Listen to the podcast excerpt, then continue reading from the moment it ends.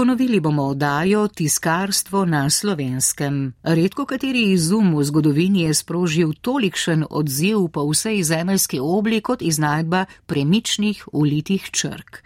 To je pred dobrimi 500 leti omogočilo nastanek tiska, ki se je na to nenehno razvijal in posodabljal ter dosegel neslutene razsežnosti z milijardami knjig in drugih tiskovin po vsem svetu. Kdaj in kako smo se Slovenci vključili v črno umetnost, kot od vsega začetka pravi o tisku?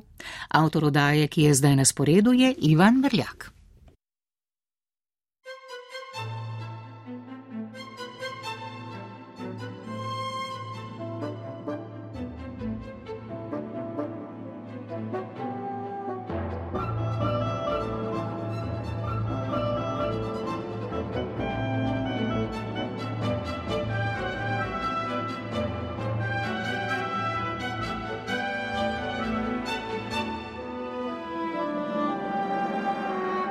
Mejniki identitete.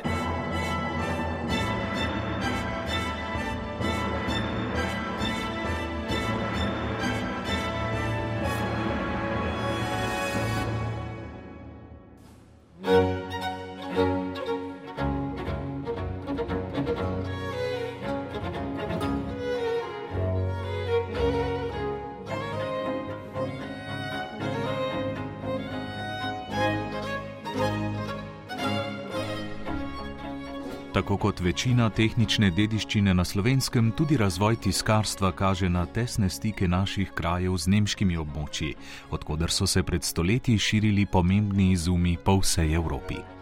To je omogočilo, da smo na naših tleh kmalo uporabljali vse novosti določenega obdobja, tudi tisk. Tiskarstvo se je na povsem praktični uporabni ravni začelo z nemškim izumiteljem Johannesom Gutenbergom, ki je iznašel ulivanje premičnih črk, ureditev tiskarske forme s črkami, razporejenimi v smiselen stavek, tiskarsko barvo in natis besedila. Kmalu so začele nastajati tiskarne, ki so v naslednjih stoletjih z novimi izumi in novimi postopki omogočale če dalje hitrejše tiskanje, kar sta terjala čas in javnost. Danes je tiskarstvo z digitalizacijo priprave in postopkov tiskanja doseglo razsežnosti, ki si jih nihče v preteklosti ni mogel zamisliti.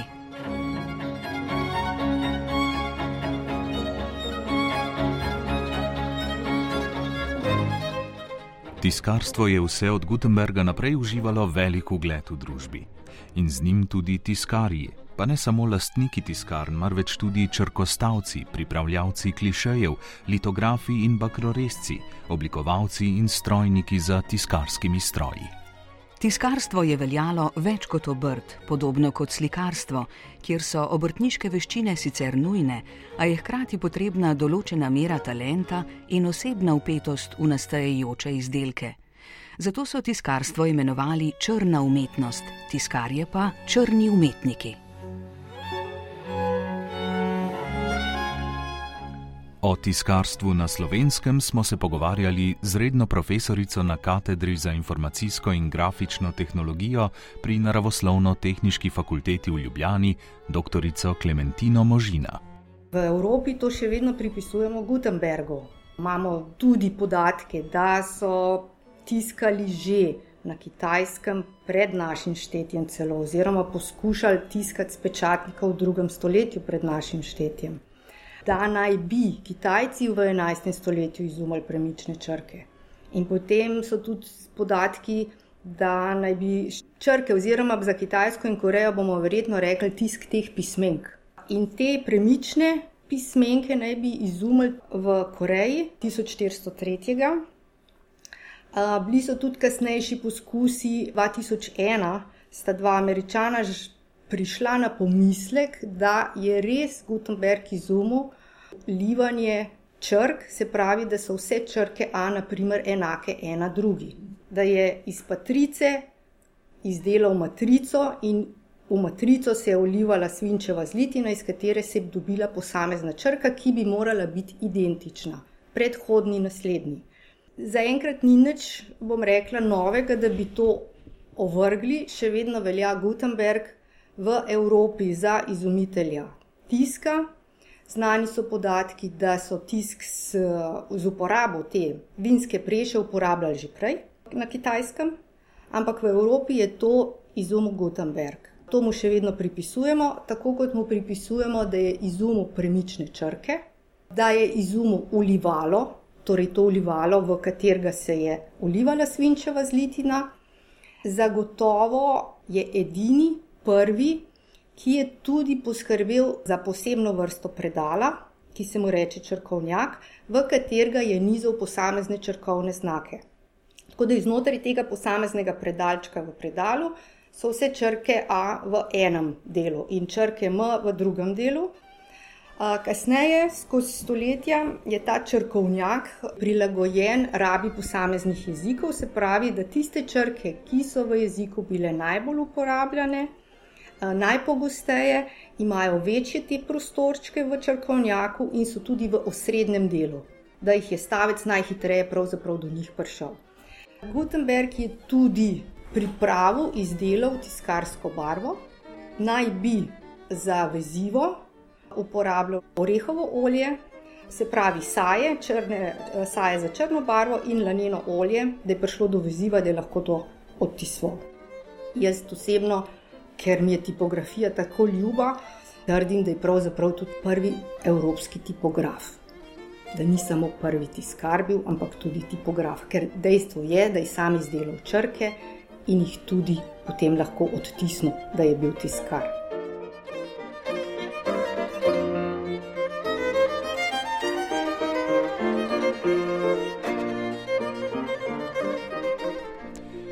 Potrebe po pisnih virih so se pojavljale že prej, vse bolj izrazito proti koncu razvitega srednjega veka in s pojavom renesanse.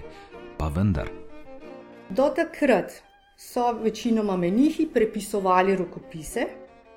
Za vsak rokopis je bilo potrebno dovoljenje, da se ga je smelo prepisati.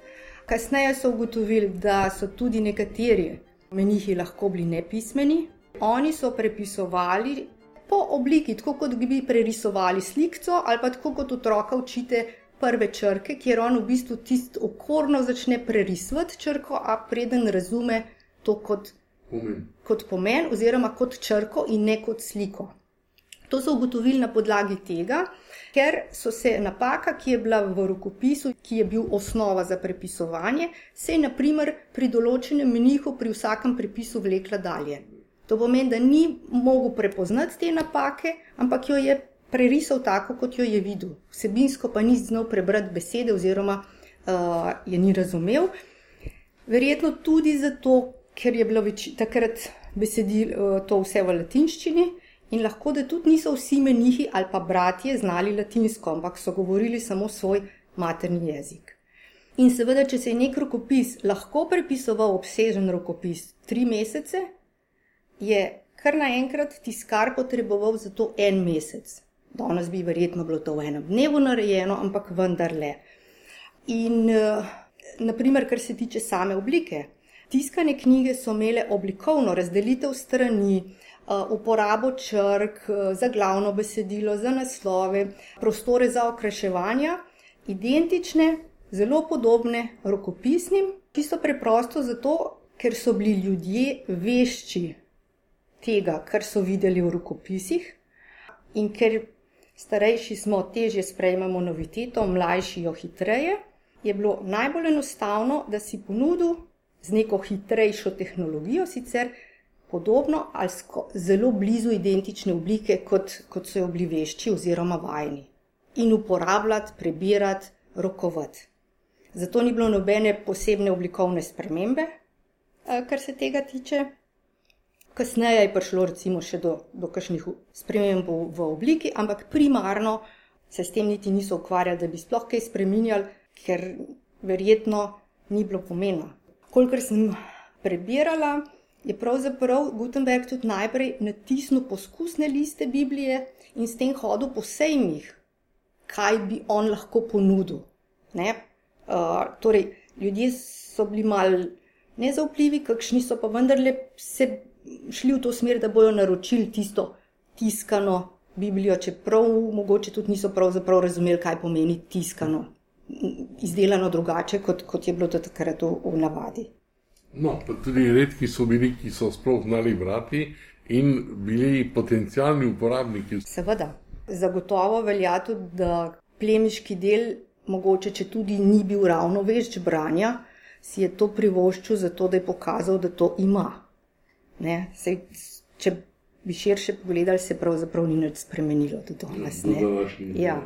Ampak uh, mogoče tudi kakšni, ki so bili uh, poskušali pokazati, da oni so si upali to, so pravzaprav hitreje uh, prišli do tega, oziroma nakupili izdelek, predmet, ki verjetno ni imel samo vloge v vsebini, ampak tudi kot nekaj, kar nam polepša dan, kot bi danes rekli, imamo sliko na steni. Vsaj jaz si mislim, tudi drugačen pomen. No?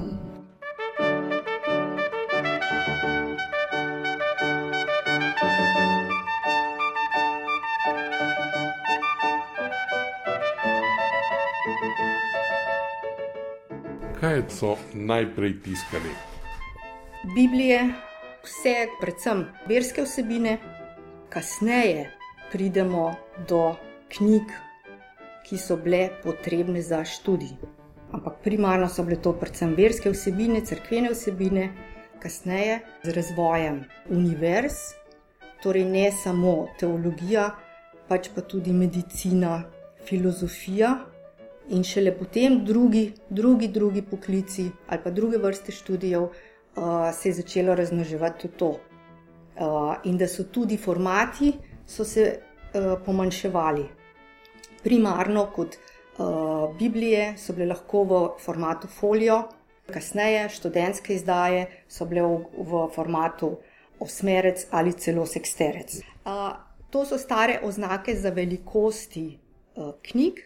Primarno moramo reči, bila je ena pola papirja, ki smo jo lahko večkrat prepognili in s tem dobili manjše formate. Torej, če je bila uh, osnovna pola prepognjena enkrat, smo dobili format folio, to pomeni, da smo imeli štiri strani ali dva lista. Če smo prepognili dvakrat, smo imeli format kvart, torej štiri liste ali osem strani. In tako naprej, ne, še večkrat osmerec, eksterec. Zdaj, kolikšne so bile te originalne, primarne pole, sem obnovila malo tole svoje znanje in uh, našla tri različne avtorje, ki govorijo o treh oziroma štirih formatih. Tisti, ki sem ga našla, da bi bil lahko največji, bi bil 460 x 600 mm. Lahko so bili pa samo 310 do 390 mm. To je bilo pravzaprav odvisno, kako veš, če je bil papirničar ki je to papirno kašo na situ, torej to je velikost blasita, na katero se je razporedila papirna kaša in se je potem osušila in bila uporabna za ali prepisovanje rokopisov, oziroma zdaj, ko govorimo o tisku, za tiskanje.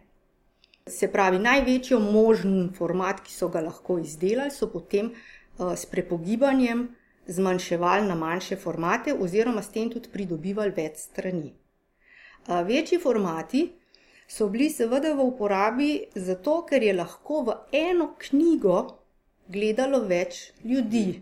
In to je bilo značilno za vse, kar je povezano mogoče uh, s petjem, uh, z molitvami v cerkvi, da je lahko cel zbor pravzaprav iz ene ali pa ena stran z ene in druga stran z druge knjige spremljala uh, Mašo oziroma sodelovala, so bili pa seveda dražji.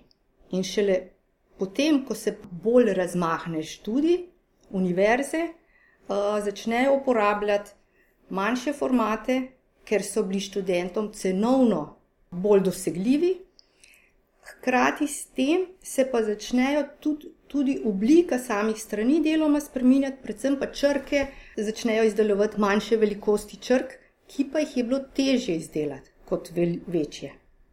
Zato tudi pravzaprav besedilo, ki ga je Gutenberg natisnil v svoji Bibliji, bi bilo danes primerljivo s približno velikostjo 20 enot.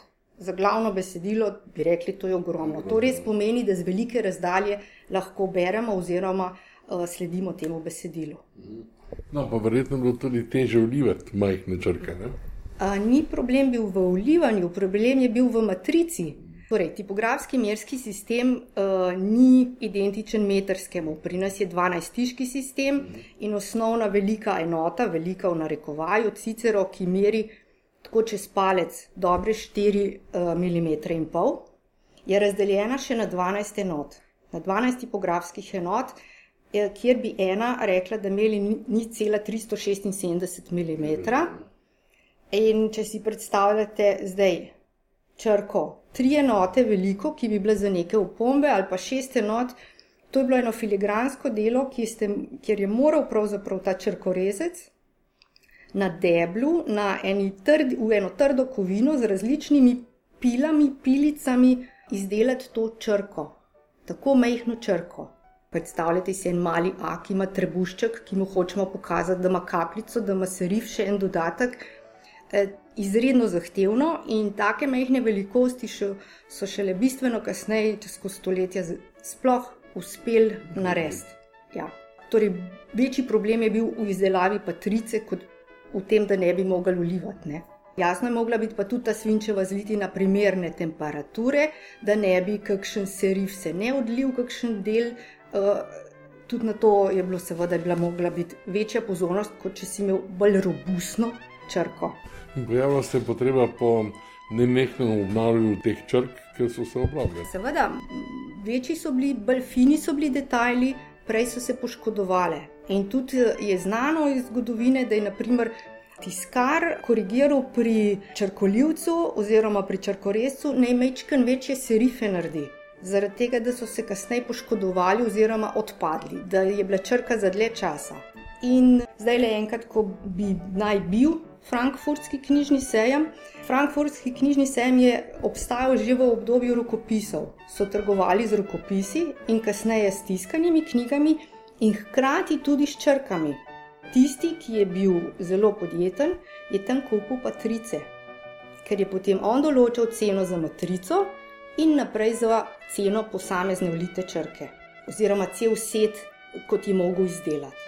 Tako da je bilo tudi trgovanje s tipografijo ne samo z samimi knjižnimi izdelki.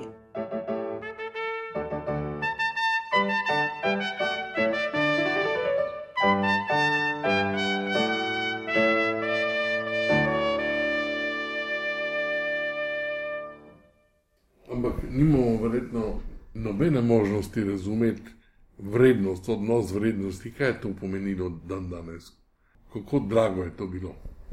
To je šlo v cene verjetno stavb zelo drago. Kratka bi lahko rekli, da knjige so bile vedno dragocene. Najprej finančno, potem pa zaradi svoje vrednosti, ne? intelektualne. Seveda. Dragocene, ja, seveda, zaradi postopka izdelave, za to, kdo si je to lahko prvošil, potem uh, dragocene, pomembne za informacije, ki so jih nosile, pa tudi dragocene ali pa prepovedane zaradi določenih političnih vzgibov. Ne, v končni fazi tudi v cerkvi so povedali, kaj se sme, kaj se ne sme prepisovati, oziroma kasneje tiskati. Ne. Tukaj ločimo potem protestantske knjige, pa katoliške knjige. Ne. Seveda, vsi vemo, da je Trubar oče, ki nam je dal tiskano slovensko besedo in da hkrati s tem je on pravzaprav začel razvijati slovenski jezik. Do takrat ga nismo imeli, on je popisal in nekako na začetku določil, kakšen naj bi ta jezik bil. Jasno je, da so eh, primarno dobivali knjige v domačih maternih jezikih, eh, predvsem tisti, tiste dežele, ki so bile blizu Nemčije. Trubar sam ni tiskal in ne moramo ga šteti za očeta tiskarstva na slovenskem, pač pa za. Ne, pač pa za očeta, ki nam je dal jezik. Slovensko slovensko knjigo. Tiskal je v Nemčiji, to je bilo zaradi protireformacije, ker ni smel tukaj. A, ampak ker je Trubar želel dati tiskano knjigo slovencem, ker je bilo vse, je vedel, da bojo lažje prišli do tiskane kot rokopisne knjige, ki je bila še dražja. Zaradi političnih oziroma cerkvenih razmer je moral to narediti v Nemčiji, ne, ne v tem področju, kjer tudi tiskarne ni bilo. To sem želela povedati, da je bilo v bistvu takrat odvisno, kako blizu si bil centru izuma. Izjema je bil seveda Rim oziroma Vatikan, ker prvi nemški tiskari, ko jih je bilo več, so šli razširjati tiskarsko obrt v Vatikan. K papežu, ker je on dajal dovoljenja, kaj se sme, kaj se ne sme tiskati. In naprimer, približno v istem času, kot smo mi dobili prvi slovenski knjigi v našem nacionalnem, takrat še ne nacionalnem, ampak razvijajočem jeziku, so jo dobili baski, ki naj bi bili že takrat najstarejši evropski jezik. Se pravi, ni bilo odvisno, koliko časa si govoril jezik, pač pa kako oddaljen si bil in kako si imel znotraj tega nekoga, ki je bil vizionar in je pravzaprav šel uh, zdaj v Nemčijo po to, po to obrt, po, po to možnost razmnoževanja.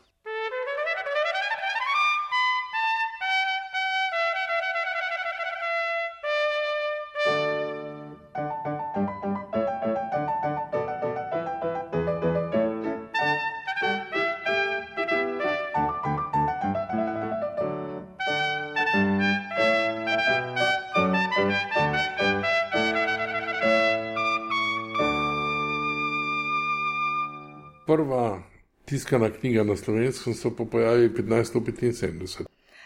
Knjige na slovenskem se pojavijo že prej, ampak niso v slovenskem jeziku. Torej, inkunabole se pojavijo, jih so tudi na tem področju, jih obstajajo, ampak nimamo inkunabol v slovenskem jeziku. Mandels je pa prvi smel ustanoviti tiskarno 1575 v Ljubljani in je natisnil dve knjigi v slovenskem uh, jeziku. Bojda uh, ne bi bil uh, že imel zelo kakovosten tisk, menda ne bi tudi bile knjige dvobarvne, uh, kar je pa za tiste razmere pomenilo sila zahteven postopek. Obraten kot so ga kasneje, kjer je bilo, recimo, če bi rekel, po prvi, drugi svetovni vojni, je bilo jasno, da najprej natisnete tisto količino besedila, ki jo je več, navadno v črni barvi, in potem dodate uh, mogoče kakšen poudarek, kakšno inicijalko v drugi barvi. Eh, primarno so bile to v rdečih barvah. No, v 20. stoletju, po drugi svetovni vojni, so ugotovili, odkrili, da so na začetku pa pravzaprav obratno tiskali. Da so najprej natisnili v drugi barvi tisto inicijalko, vzeli to črko ven, jo zapolnili s polnilnim gradivom, se pravi, da barva se ni mogla več nanesti na njo, in potem so tiskali v črni barvi. Ampak to je bilo zelo zahtevno, ker dvakrat si moral dati v tisto tiskarsko prešo nekih uh, oznak za to, kako se prilega, kako pravzaprav umestiti na isto mesto polo niso poznali, ni bilo, so si s kakšnimi šili pomagali, da so kakšno lukenco naredili, papir, se reka, ha, tlebla na tem mestu. Skratka, zelo zahtevno je bilo. Tako da so veliko krat raje pustili prazno, da so potem še vedno ročno dorisali tisto rdečo inicijalko. To se je spet bolj pokazalo v tem, ker nekdo pa ni imel denarja, ki je kupil uh, ta knjižni blok uh, in pač ni dal rubricistu uh, te rdeče črke narediti ali pa tiste, ki so manjkale. Uh, tudi to mogoče, da vemo, da tiskarski ceh in knjigoveški ceh sta bila ločena. To ni nič nenavadnega, ko potem nam ob vsaki obletnici rečejo, tam okoli 31. Uh, oktobra, da smo morali v sodih in moral trubar pripeljati knjige v Slovenijo, oziroma na kransko, na slovensko področje. To je bil popolnoma običajen način transporta, ker knjige niso bile vezane. Uh, ko si kupil knjigo, kot predtem rokopis, si kupil knjižni blok oziroma pole teh listov, ki si jih potem nesel knjigovezu, da jih je zvezal. Če si bil premožen, si jih še ukrašil, si dal okrasiti to platnico z nečim, kakšne druge barve, in če ne, je bila to sila enostavna vezava, samo toliko, da je držala vsebino skupaj.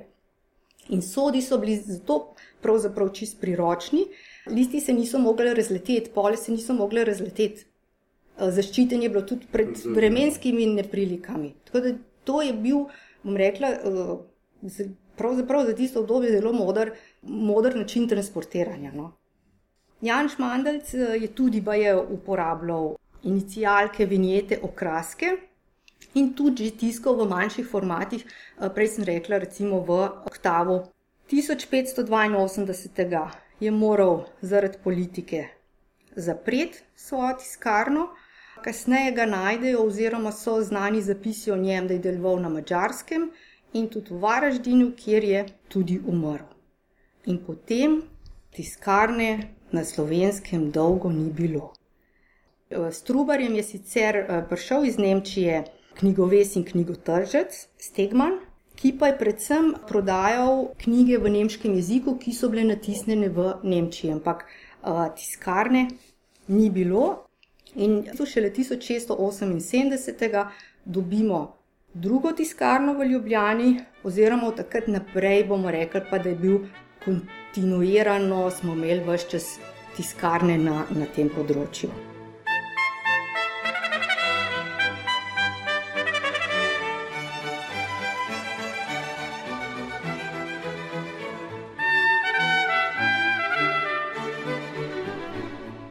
Izgonu protestantskega tiskarja Mandelca je zavladal skoraj stoletni tiskarski mok. Pa smo v 17. stoletju, že proti koncu 17. stoletja, kjer dobimo drugo tiskarno, ki jo je ustanovil uh, Janez Krstnik Majer, prišel, prišel je iz Salzburga. On je imel že odprej tudi naslov dvornega akademskega tiskarja, torej je bil kakovosten tiskar. Tiskal je bratovske bukvice od uh, Matije Kosteliča, uh, prvo slovensko knjigo, ki jo je on natisnil, je z leta 1682. Potem je to zapustil tiskarno sinu Jožefu Tadeju Majerju, tiskali so besedilo, stavili so besedilo za Valvazorjeve topografije. In ta tiskarska dejavnost je šla potem tudi po sinu v različne roke različnih eh, drugih lastnikov, se pravi, ni, ni bila več v družinski lasti. Zelo pomemben lastnik, bom rekla, ali pa potomec vsega tega, eh, ali pa naslednik pravzaprav tega, je bil Jožef Blaznik, ki je bil tudi napreden tiskar in pravzaprav tiskarna je tja do tiste nesrečne druge svetovne vojne obstajala. Kaj pa Valvazor? Valvazor je tudi imel svojo tiskarno. Ne? Ja, ampak zdaj, ko govoriva o, o Mandelcu, o Majerju, govoriva o visokem tisku, o tem, kar je izumil Gutenberg. Ker so primarno tiskali knjige, ima tudi drugo ime knjigotisk, Medtem ko je Valvazor uh, ustanovil 1678. bakroreznico. Uh, to je drug princip tiska, govorimo o globokem tisku, se pravi, tisto, kar je bilo obočeno, je bilo nabarvano in iz obočenih površin smo prišli do barve, ne iz izbočenih, kot je pri visokem tisku.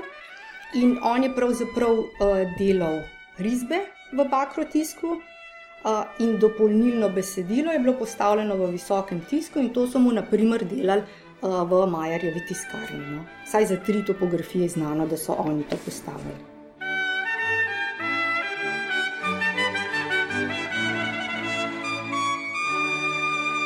Kje pa je Valvazor tiskal svoje knjige, oziroma slavno slavo Vojvodine Krajinske? Slavo Vojvodine Krajinske je tiskal uh, v Nürnbergu, izšla je v štirih zvezkih na 3532 straneh, in poleg tega ima še 24 prilog, in med besedilom je objavljenih 528 bakrorezov. Slava Vojvodine Kranske ni natisnjena v slovenskem jeziku, a vendar je s tem delom drugim številčnejšim nemškim krajinam pokazal tudi, kakšne značilnosti lepote ima slovenska dežela. Mogoče uh, velja omeniti, da smo naslednjo tiskarno po Majerjevi uh, dobili sto let potem. 1782. Ljubljana dobi naslednjo tiskarno, ki njihovi potomci, oziroma tisti, ki so jo kasneje rekopili, prevzeli, deluje tudi do druge svetovne vojne. To je ustanovil Ignac Alois Klenmajer, ki je prišel iz celovca. primarno je tiskal predvsem nemška dela, pa vendar se je znotraj tega našel tudi Linhartov ta veseli dan ali Matiček se ženi.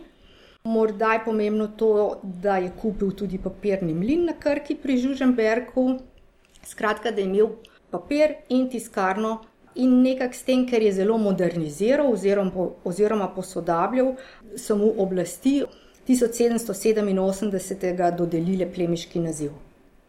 In še ena manjša tiskarna iz tega obdobja, ki jo je Ignac Merk ustanovil uh, leta 1776.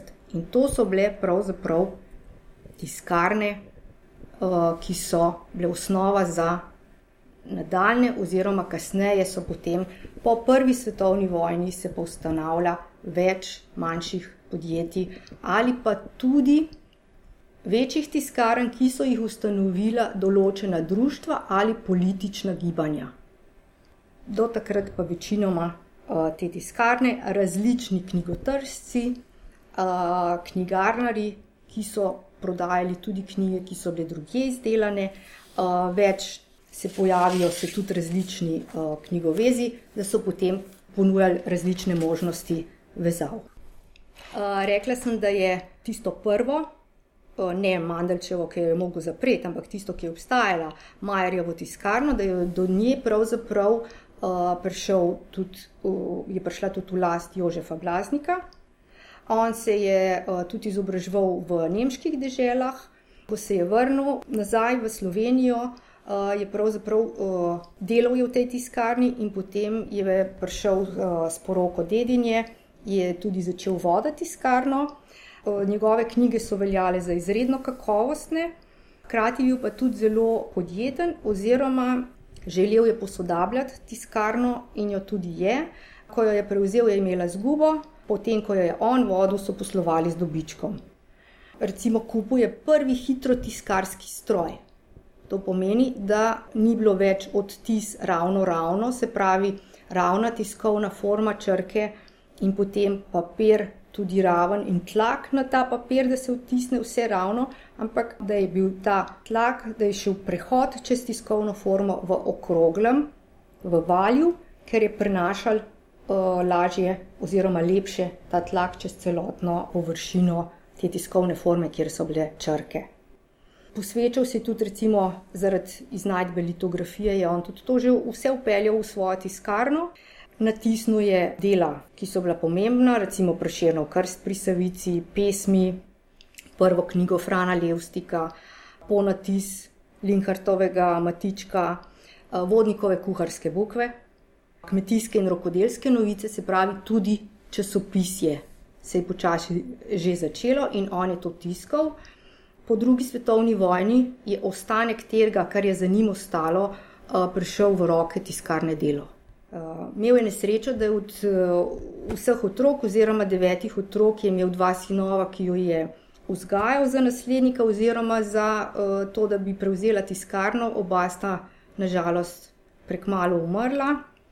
In potem njegove hčere, oziroma dediči ene od njih, in njihovi potomci niso imeli uh, take bomo rekli, tehničnega znanja, niti spretnosti voditi tiskarno, tako da v bistvu je z njegovo smrtjo uh, ni več rasla, ampak je pač samo še, bomo rekli, samo še delovala, kakor pač je delovala. No. Ko ste omenili časopise, se pravi 1872 ustanovijo Narodno tiskarno, ki je bila predvsem za tiskanje časopisa uh, Slovenski narod, in pa na drugi strani katoliško tiskarno 1883 ki pa je bila uh, ustanovljena uh, za tisk najzahtevnejših del. Se pravi, govorimo o tehnično najbolj zahtevnih delih. In to je bilo skoraj da do njenega žalostnega zaključka. Katoliška tiskarna se je po prvi svetovni vojni preimenovala v Jugoslovansko tiskarno, po drugi v tiskarno ljudske pravice, In še v času, v tem obdobju, ko je bila tiskarna ljudske pravice, vsaj do rabe uh, svinčenih črk, je veljala za tiskarno, ki je bila sposobna izdelati najzahtevnejše uh, dela v smislu stavljanja, se pravi matematični stavek, fizikalni, kemijski stavek, tam, kjer je bilo to izredno težko uh, postaviti. No, in danes v tisti mogočni stavbi je pravna fakulteta, nič s tiskarstvom.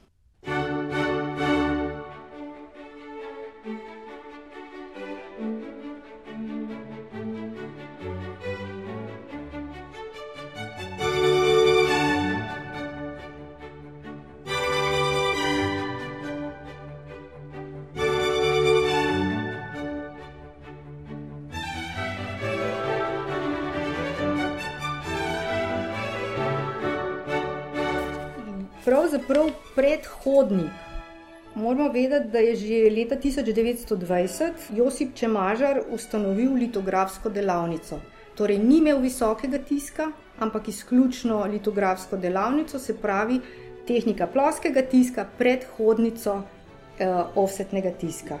In po drugi svetovni vojni je ta eh, delavnica prišla v roke Eh, leta 1958 se je potem tako, mislim, da tudi začela imenovati tiskarna mladinske knjige, ki je bila mogočna tiskarna v času bivše Jugoslavije. Ob eh, prenovi oziroma razširjanju uh, knjigoveznice je bila v tistem času Jugoslavije, se pravi v zadnjem obdobju Jugoslavije, največja knjigoveznica v celi Jugoslaviji, danes pa tudi te tiskarne ni nikjer več. Uh, Manjše tiskarne so se začele že razvijati takoj po prvi svetovni vojni, in, ali pa to, kar so jih določena društva, ki so po drugi svetovni vojni pravzaprav samo se preimenovala in prišla v neko družbeno lastnino. Takrat ni bilo novih tiskarn, ampak enostavno nekaj, kar je obstajalo od po prvi svetovni vojni, preživelo vojno vihro druge svetovne vojne, so potem je prišlo neko družbeno lastnino, se preimenovalo, ali pa več manjših je, je postala potem ena, naprimer tiskarna. Ne. Tiskarna delo je tako pridobila več manjših tiskarn, ki so jih pridružili uh, njej.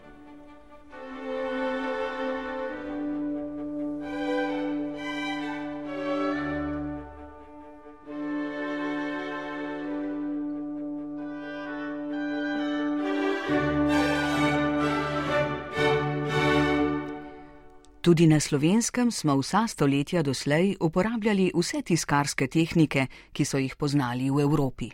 Katere tehnike so to bile? Primarno, kot smo rekli, je to visoki tisk in uh, temu je podrejeno tudi stavljanje. Uh, s pojavom uh, litografije, uh, o, ki omogoča uh, lažji način izdelovanja slikovnega gradiva. Uh, litografija je ploski tisk, to pomeni, da so tiskovne in netiskovne površine skoraj na isti površini, uh, mikrometrske razlike so v tem. Bolj pomembno je obdelava tega, da površine, ki jih želimo, ki želimo da oddajo potem od sebe barvo, morajo biti oleofilne in hidrofobne in obratno, tiste, ki ne smejo sprejeti barve, morajo biti hidrofilne in oleofobne. Uh, in na ta način uh, to je bila prednost, uh, predvsem naprimer, pri izdelavi plakatov, ne toliko za knjige, primarno ne za knjige. Zelo velike ploskve.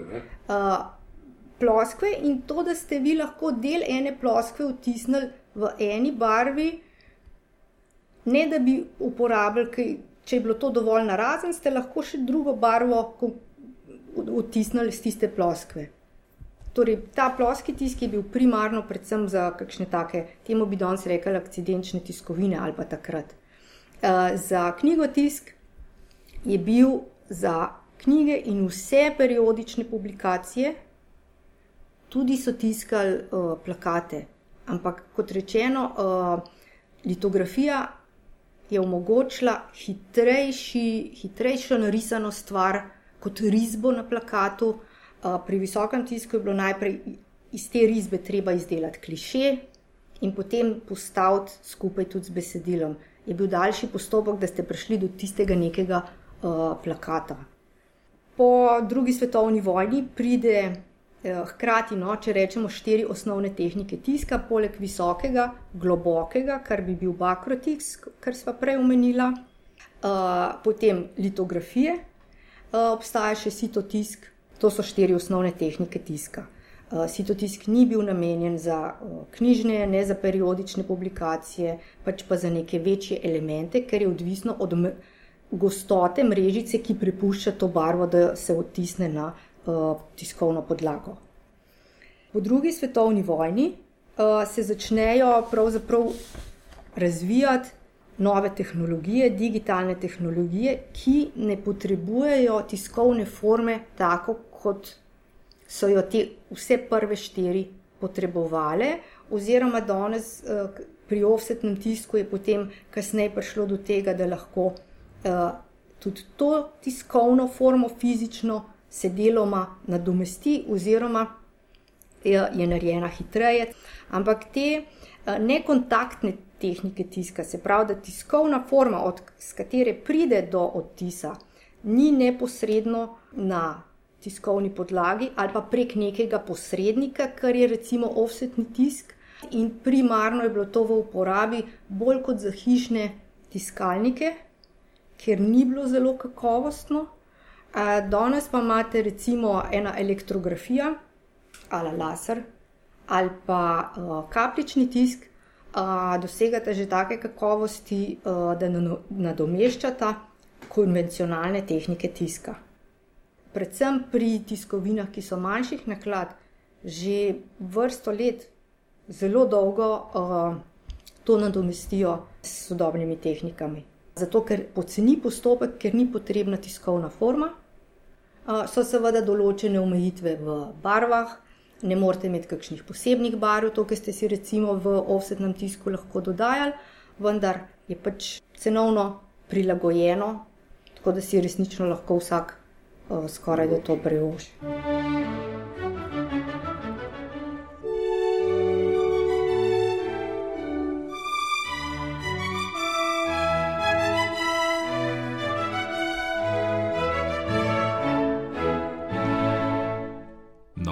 Mejnik tiskarstva je začetek rotacijskega tiska.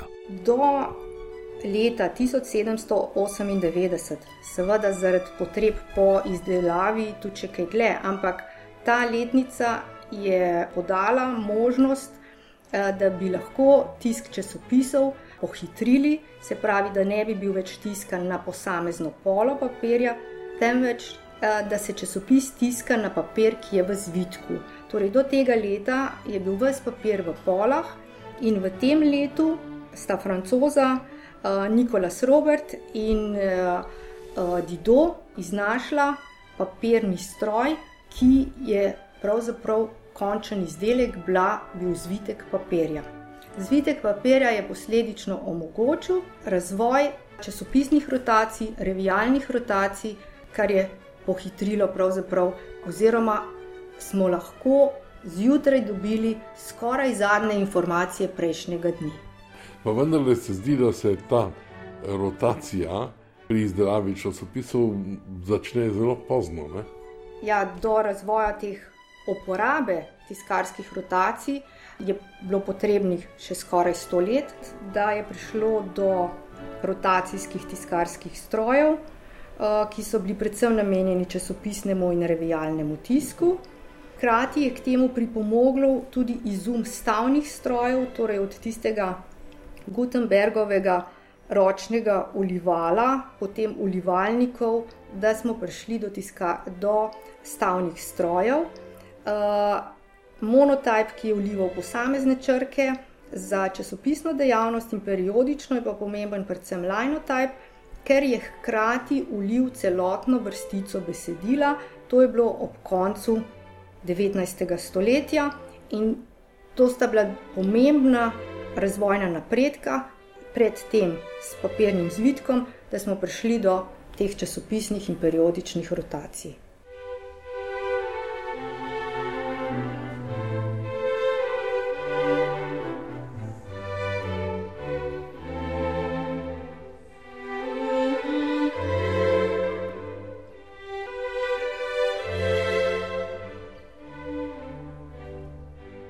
Kako je pa s pojavom barvnega tiska. Z izumom litografije so začeli upodabljati barve, ampak to je pomenilo, da toliko barvnih odtenkov, kot je bilo, lahko je bilo potrebno izdelati tudi toliko litografskih kamnov. Poenostavitev oziroma pocenitev tega prinese izum rastra. To je bilo leta 1837, oziroma takrat so priznali Parižanov, Engelmanov izum kromolitografije. E, to najprej so pravzaprav narisali pikice, kot rastrske pikice, da so lahko pravzaprav poenostavili število barv, ki so jih predtem na teh litografskih kamnih potrebovali. Teoretično bi lahko s tremi primarnimi barvami, rumeno, cijan, ali je to zeleno, modro ali modro zelena, je še vedno diskusija, ampak strokovno je cijan. Uh, in pa magento oziroma magento, odtisnili vs, vse uh, barvne tone. Izkazalo se je, da z mešanjem teh treh barv dobimo temno rjavo, ne pa črne. In zato je kot uh, četrta še ta ključ, črna, ki zagotavlja črn odtis, če je to potrebno. Eh, za kakšne, bom rekla, kakšne posebne barvne odtenke, eh, sploh to, kar je v zadnjem obdobju, naprimer, pomembno v embalaži, so seveda potrebne posebne barve, panton barve, ker s temi osnovnimi barvami ne dobimo vseh posebnih barv, kaj šele kakšnih kovinskih. No, in ta rastrski sistem je potem omogočil prenašati oziroma tiskati prave barvne fotografije. Ne? Ja, da so lahko pravzaprav tudi dokaj verno odtisnili te barvne fotografije, oziroma tudi različne vrste ilustracij, če tudi jih je umetnik narisal z več različnimi barvami. Je bilo to rastrirano in potem samo v štirih barvah že odtisnjeno in bila skoraj bi rekli, verna reprodukcija originala.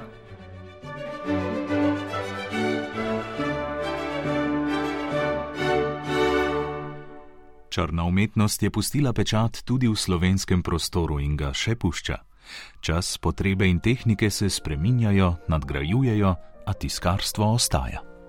Črna umetnost, ki se je razvijala skozi vsa ta stoletja, je še vedno lepa, še lepša z vsem, kar so entuzijasti, tisti, ki so bili zelo zagreti, pravzaprav z razvojem, z izboljšavami, z novitetami, z estetskimi pridobitvami.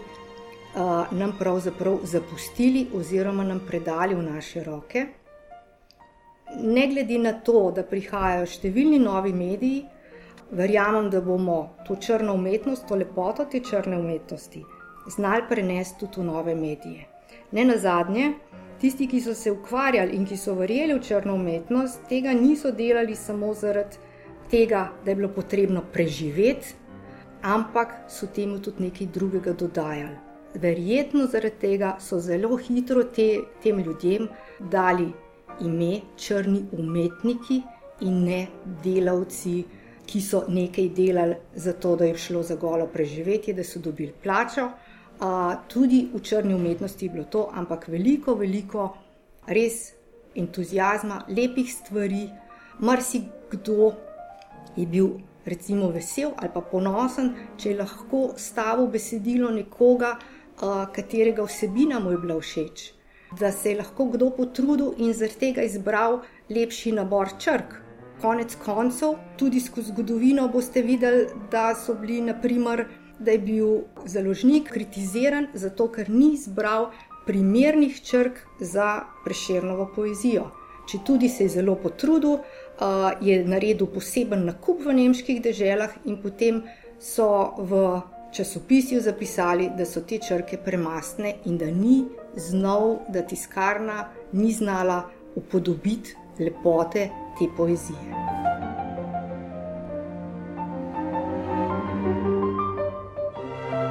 To je bila oddaja iz cikla Mejniki identitete o tiskarstvu na slovenskem.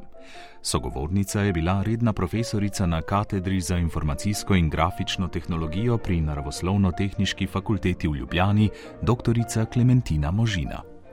Oddajo sva povezovala Ambrož Kvartič in Eva Longika Marušič. Tonski mojster je bil Vojko Frelih, avtor je Ivan Mrljak. Spet ji lahko prisluhnete prek spletnih strani radio televizije.